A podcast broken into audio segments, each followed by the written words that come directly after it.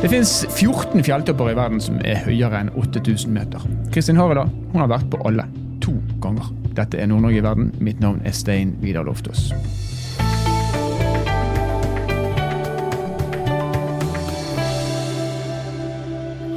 Kristin Harela fra Vadsø hun eh, satte seg som mål å slå verdensrekorden ved å bestige alle 8000-meterstoppene på seks måneder. Og Det ville hun klart med god margin hvis ikke det hadde vært for at Kina stengte grensene pga. covid.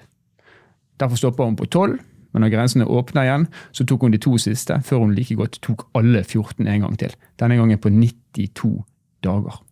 Og Nå er hun her hos oss i Tromsø i Nord-Norge i verden, og hjertelig velkommen til oss, Kristin. Tusen takk. Jeg starter starte med å spørre deg, eh, hvor deilig er det å komme i mål og oppnådd det du hadde planlagt? Ja, det er veldig, veldig deilig, og veldig glad for eh, at vi klarte å fullføre det sammen, jeg og Lama. Og at vi kom trygt ned på alle fjellene. Mm. Veldig deilig, sier du. Så det høres ut som du har gjennomført noe helt, helt dagligdags. Men det må jo ha vært litt eufori når du er Ja, det er det jo. Og så er det sånn nesten litt sånn rart eh, at det er over også. For de ja. første dagene etter at vi var ferdig, så det var jeg drømte liksom at vi skulle opp på en ny topp. var det gode drømmer, eller var det mareritt? Det, det, var sånn, Jeg følte at vi var ikke ferdig med planlegginga til neste topp. Jeg var sånn, oi, Har vi kontroll på toppen? Er vi liksom klare til å gå opp igjen? Og så liksom, Hodet var fortsatt på, på, tur opp på en ny topp. da. Ja. Så det tar litt, eh, litt tid å, å, skjønne liksom at det er over. og at vi klarte det, og at, liksom, at det har gått bra. Da. Det, det, tar litt tid at det synker inn. Ja, det kan man forstå. Men hvis man ser på tallene sånn sagt, og bruker litt matematikk, så er altså 14 topper på over 8000 meter på 92 dager det er sånn litt mindre enn en uke per topp. Og de her toppene ligger jo ikke akkurat ved siden av hverandre. Kan ikke du fortelle litt om eh, hvordan dere legger opp forflytningen imellom, før dere i det hele tatt kan begynne å gå oppover? Mm. Ja, altså Først var det jo de to fjellene i Tibet og kom inn der. Og der var det mye liksom, logistikk for å komme i gang. Så jeg hadde et håp om å være i gang rundt 1. april. Vi kom ikke på toppen der før eh, 26. april, så det gikk lengre tid. Og det gjorde jo også at det var litt eh, kortere tid i Nepal til de fjellene som vi hadde håpa å ta på våren, for det kommer en monsun inn som gjør at det liksom en vår vårmånedene man tar dem, og så er det på høsten igjen. Ja. Og så tar man Pakistan på sommeren, som ligger lenger nord og slipper unna for den monsunen. da. Så, så, det var litt sånn, kom litt på etterskudd allerede fra start. Og så var det da tilbake til eh, Katmandu.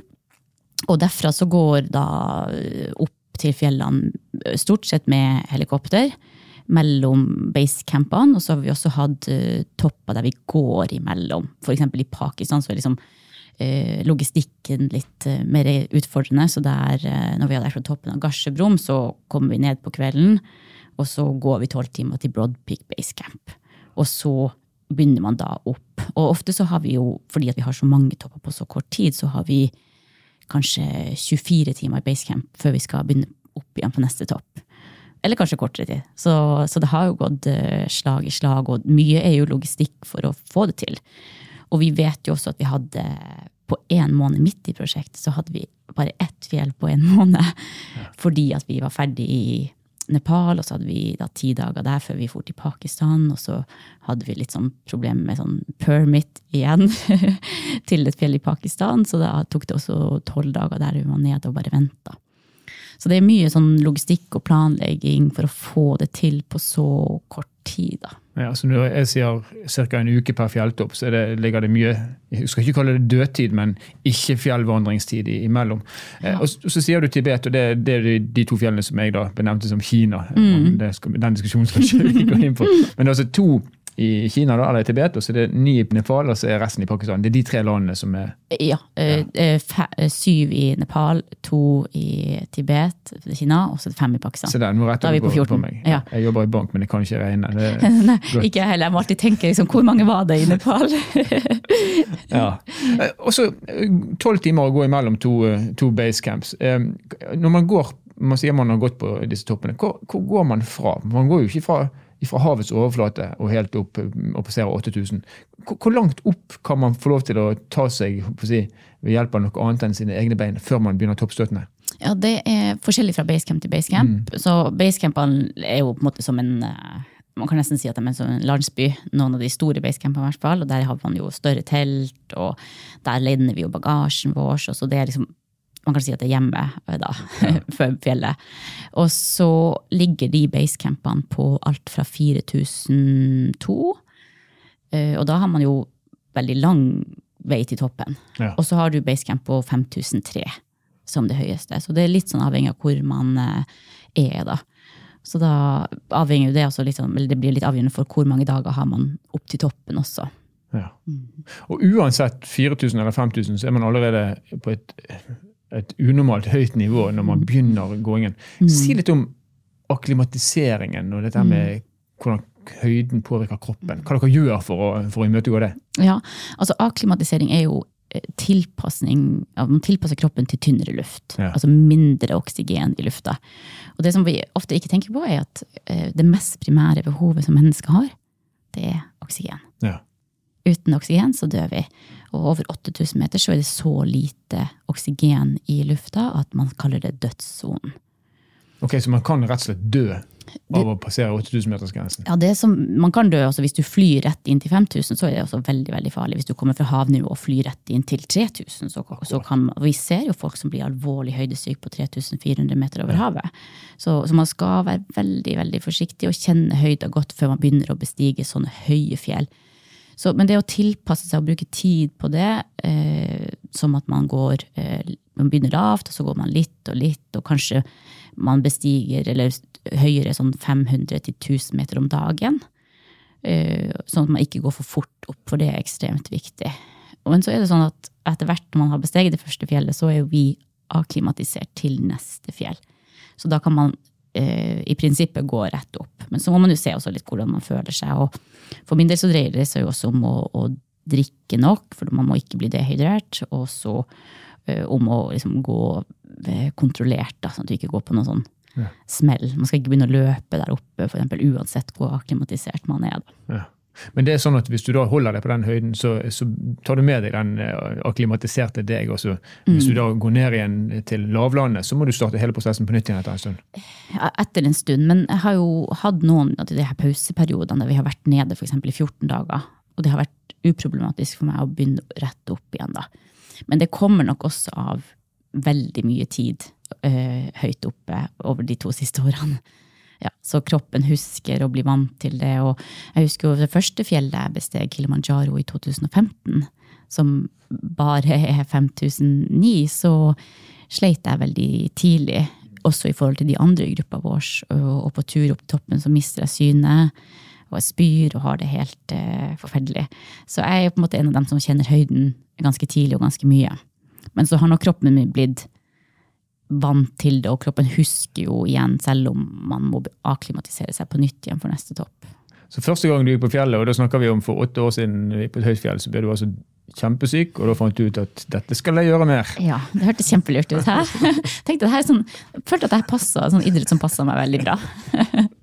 Men det er jo gøy med utfordringer, da, og jeg tenker at hvis det hadde vært lett, så hadde jeg sikkert ikke blitt eh, liksom veldig mm, for Hvis man skal gjøre noen sånne her ting, så må du være motivert. Du må være veldig motivert. Eh, Og du må være motivert av mer enn liksom at du skal komme i avisa.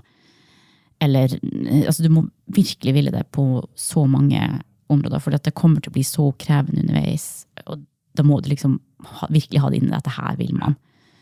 Indre Eh, motivasjon. Ja, virkelig en indre motivasjon til å, å gjøre det, og til å stå i det når det blir krevende. For det, det blir veldig, veldig krevende. Det får du meg til å tro.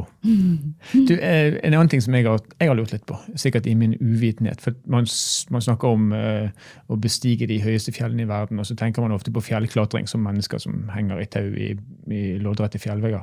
Men hvor mye av disse bestigningene består av hva skal man si, teknisk krevende eh, tauklatring, og hvor mye er eh, ikke det? Veldig mye er ikke det. Ja. Men absolutt en veldig fordel at man er ok god å klatre teknisk i tau. Og du har jo også lange partier, f.eks.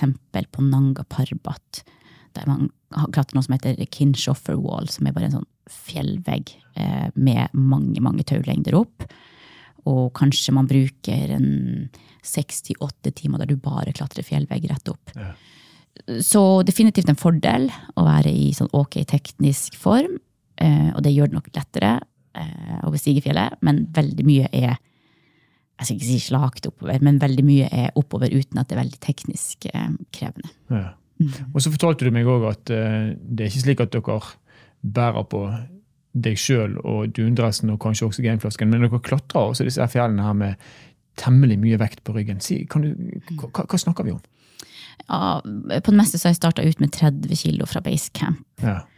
Og du er vi, Skal vi gå inn på hvor mye du er? Ja, litt over 50, 55 kilo, kanskje. 53 når vi klatrer, da. Ja, Så godt over halve kroppsvekten din på Ja. ryggen. Mm, det er klart at det er veldig, veldig tungt. Ja. Eh, Og veldig stor forskjell på hvor mange kilo man bærer. Og veldig ofte så bærer jeg mellom 15 og 20. Ja. Og lama kanskje 20 til 25, litt mer enn meg. Men så er det jo noen ganger at vi har vært veldig lite team, at det bare har vært meg og lama, og det har ikke vært telt oppe på fjellet allerede. Hvis det har vært liksom andre grupper før, og så deler vi ofte telt, f.eks.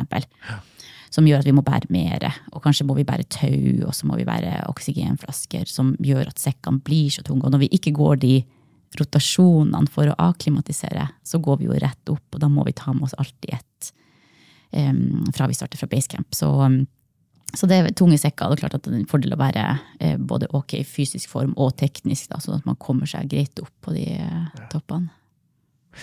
Og det dere bærer med dere, det er utstyr, telt, soveposer, mat osv. Mm. Ja.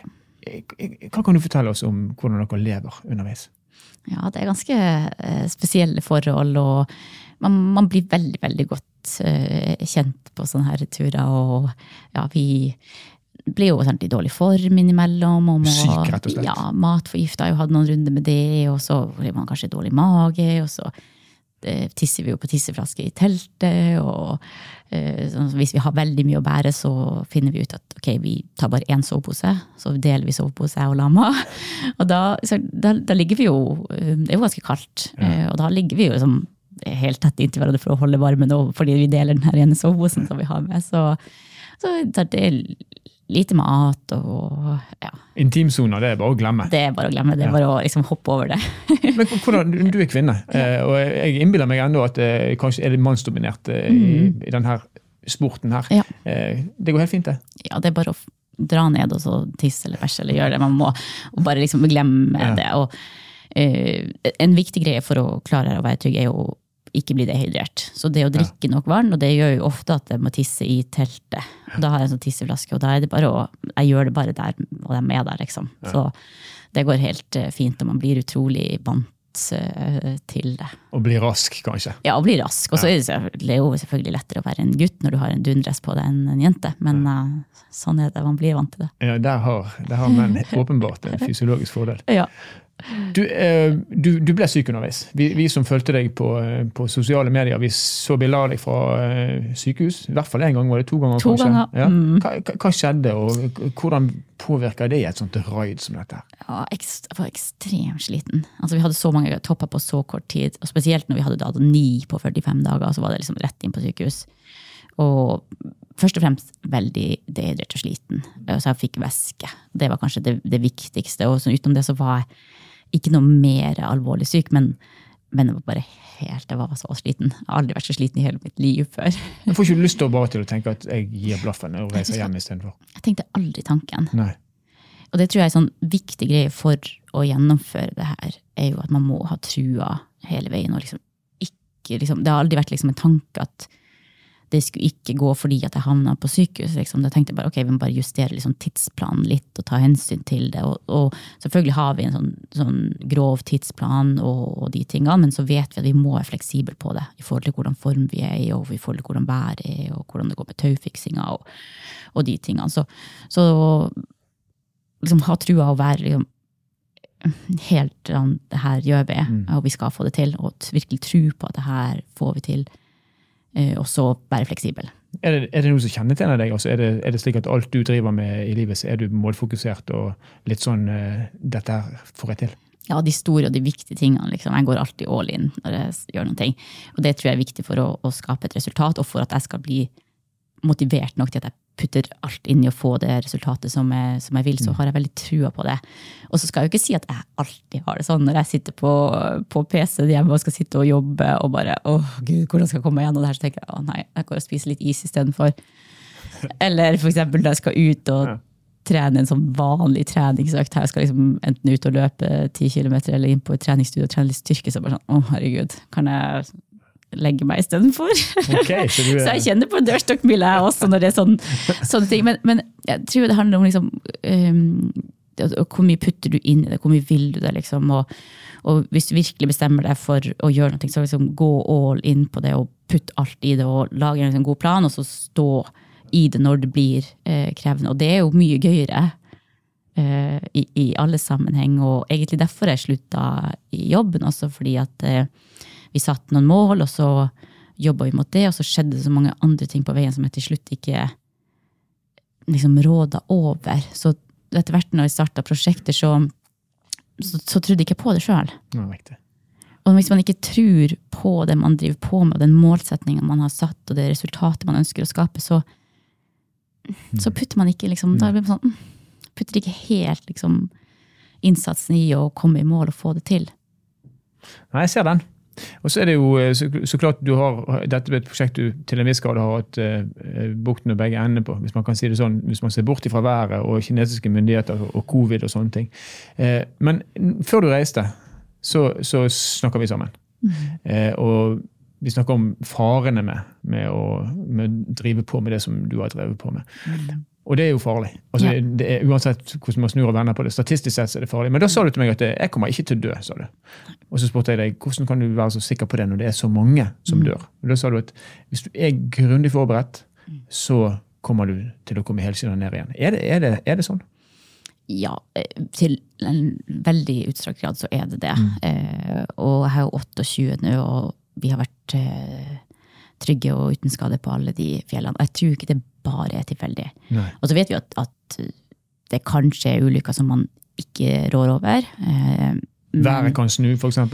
Ja, men også det kan man liksom Man kan følge værvarselet, man kan kjenne forholdene i fjellet. Man kan tenke ok, hva gjør vi hvis vi blir overraska av dårlig vær? Eh, snur vi, eller eh, venter vi lenger i teltet? Og det har vi gjort underveis også, sett at ok, det går ikke. Vi må ta et steg tilbake og vente på bedre værvindu. Så, så, det å følge forholdene i fjellet og vite liksom, ok, hvor er det skredfare, når er det skredfare, eh, hvordan, hvor liksom, mye vind tåler vi før vi må liksom heller vente så det å kjenne fjellene og kjenne de farevarslene som er, det er jo klart kjempeviktig. Og ikke minst liksom det å ha et, et, bra team. Det er klart at det er jo Lama som har eh, tatt rekorden, men vi har også hatt liksom et bra team som har fulgt værvarsel, og som har holdt oss oppdatert mm. og, og, planlagt ting underveis her. og, og både med tau og med, med vær. Da, så det er kjempeviktig. Men var du aldri redd? Nei. Jeg er jo ikke det. Altså, jeg er ikke redd av meg. Og det er jo sånn, vi har jo en, en ulykke på K8, da. Og da står vi jo i en, en veldig, veldig farlig situasjon. Og noen stivner og blir redd, eh, og noen blir redd og eh, prøver å gjøre noe, og så er det noen som ikke føler så mye og prøver å gjøre noe. Og, og for min del så er det alltid i en sånn situasjon vi vet at det er farlig, så syns jeg alltid bedre å bare prøve å løse det og gjøre ting istedenfor å uh, bli redd. Jeg tror det liksom er bare det å holde fokuset. Uh, og noen føler mer i forhold til det enn andre. Ja. Mm. Men du er, du er, rolig og fokusert? Ja, ja, jeg tror det er liksom noe som, som funker for min del. Liksom, når det blir situasjoner som er, er farlige, så liksom bare ok, hva må vi gjøre? Liksom, å, å, gjøre det, da. At det er noe som funker for min del. da. Du har nevnt lama flere ganger, og jeg vet at eh, det å ha lama med deg på alle toppene var en, Eh, en viktig sak for deg og nærmest en integrert del av hele prosjektet. Og Så ser vi jo òg at uh, det er en fotograf som, uh, som henger på slep. Har fotografen, har han, hvem det nå måtte være, vært med på alle toppene, eller? Eh, nei, vi har bytta fotografer underveis. og det, Vi holder jo på med en dokumentar, og det tror jeg blir kjempebra. Og jeg håper vi får vist veldig mange ting der som vi ikke har fått delt, eh, verken i sosiale medier eller i, i, i, media. Så det kommer til å bli veldig bra. Um, og så har vi bytta fotografer, uh, så de har liksom fått tid til å hvile. Og så er det jo ikke alltid at de klarer å, å holde liksom det samme tempoet, for det har jo gått veldig veldig fort med meg og, og Lama. Så noen ganger så har de blitt med til toppen, og noen ganger så har de blitt med til siste camp. For ja. Men dette er fjellklatrere? Det er ikke, det er ikke, du henter ikke ut fra et uh, filmselskap i Oslo og tar det med deg? Nei, vi hadde, vi hadde, faktisk en fra Norge som var med, men han er veldig fjellvant. Ja. Så han var med på to fjell. Så Mathias fra Field Production, så det, det var veldig bra. Men de, de, de, er veldig erfarne, de som er med og gjør det. Og det er jo klart det er krevende å, å skulle bestige fjell og filme. Ja, ja. det får du meg til å tro. Kristin, nå er du hjemme igjen i god behold, eh, og med rekorden i lommen. og Det er vi selvfølgelig alle både glad for og stolt over. Men hva nå? Ja, det lurer jeg også på. Hva nå, liksom? Nei, vet du, i uh, lenge siden så meldte jeg meg på middagssøvnmaraton, uh, ultraløpet som går i helga. Akkurat nå angrer jeg litt. så jeg driver og prøver å gå inn skoene som jeg skal forhåpentligvis løpe med i morgen, enten 5 eller 25. Uh, altså 5 mil eller 25 km. Ja. Jeg har ikke helt uh, landa på hva det blir. Og så um, ja, blir det en del foredrag utover høsten, og ja, jeg tenker at det blir gøy å dra rundt og fortelle historien og hva som egentlig skjedde. Og eh, blir det en bok eller to, og så jobber vi med den dokumentaren som også kommer til å ta litt tid fremover. Og så ja, regner jeg med at det blir eh, flere turer, men i litt eh, mindre grad. Ikke like mye og kanskje ikke like høyt. Så, ja, så det tror jeg blir bra. Håper å flytte til eh, nord snart og få en plass å bo her. Og ha litt, litt sånn litt mer sivilisert liv. Ja. ja. Det gleder jo også å høre at du har lyst til å flytte til nord. Det har vi jo håpet på, eh, alle mann, tror jeg, hele tiden. Det, du er hjertelig velkommen hjem igjen. Eh, men ikke flere fjellturer. Altså, betyr det at vi ikke kommer til å se Kristin Harald igjen på K2 eller på Everest eller på noen av de andre 8000-meterstoppene? Ja, man skal aldri si aldri. Utgangspunktet så har jeg tenkt at jeg er ferdig, jeg har gjort 28. Og så har jeg jo Everest og Lotse tre ganger. Eh, og så har jeg jo da de 14, og så har jeg jo de 12 fra i fjor. Så de to i Tibet har jeg bare én gang. Ja, og dem håper jeg å få to ganger, så jeg fikk dobbel 14. Um, og hvis jeg skal gjøre det, så, så, tenker jeg at jeg burde gjøre det snart, fordi at nå er jeg liksom i form til å gjøre det og, og fortsette inn i det. Så han la meg drive og sende meg melding annenhver dag og spør liksom, Didi, som betyr søster, are you coming for Choyun Shishipangma? Så jeg bare øh, Jeg vet ikke helt, jeg har ikke bestemt meg. Og så han bare I'm not going if you're not going. så øh, jeg tror jeg aldri skal si aldri. Øh, men i utgangspunktet så, så skal jeg iallfall ikke bestige på samme måte som jeg har gjort nå. Mm. Men i helgen så skal du også bestige bl.a. Tromsdalstinden, hele 1238 meter. Det kan være tøft nok det når man skal eh, løpe fem mil i tillegg. Ja. Vi er utrolig glad for at du kunne være her i lag med oss, eh, Kristin. Tusen takk skal du ha, og igjen gratulerer med det som antakelig er en helt uslåelig rekord. Tusen takk. Nord-Norge Verden er en podkastserie som er produsert av Sparebank1 Nord-Norge i samarbeid med Helt Digital. Musikken du har hørt er laga av Emil Karlsen. Mitt navn er Stein Vidar Loftaas. Vi høres igjen i neste episode.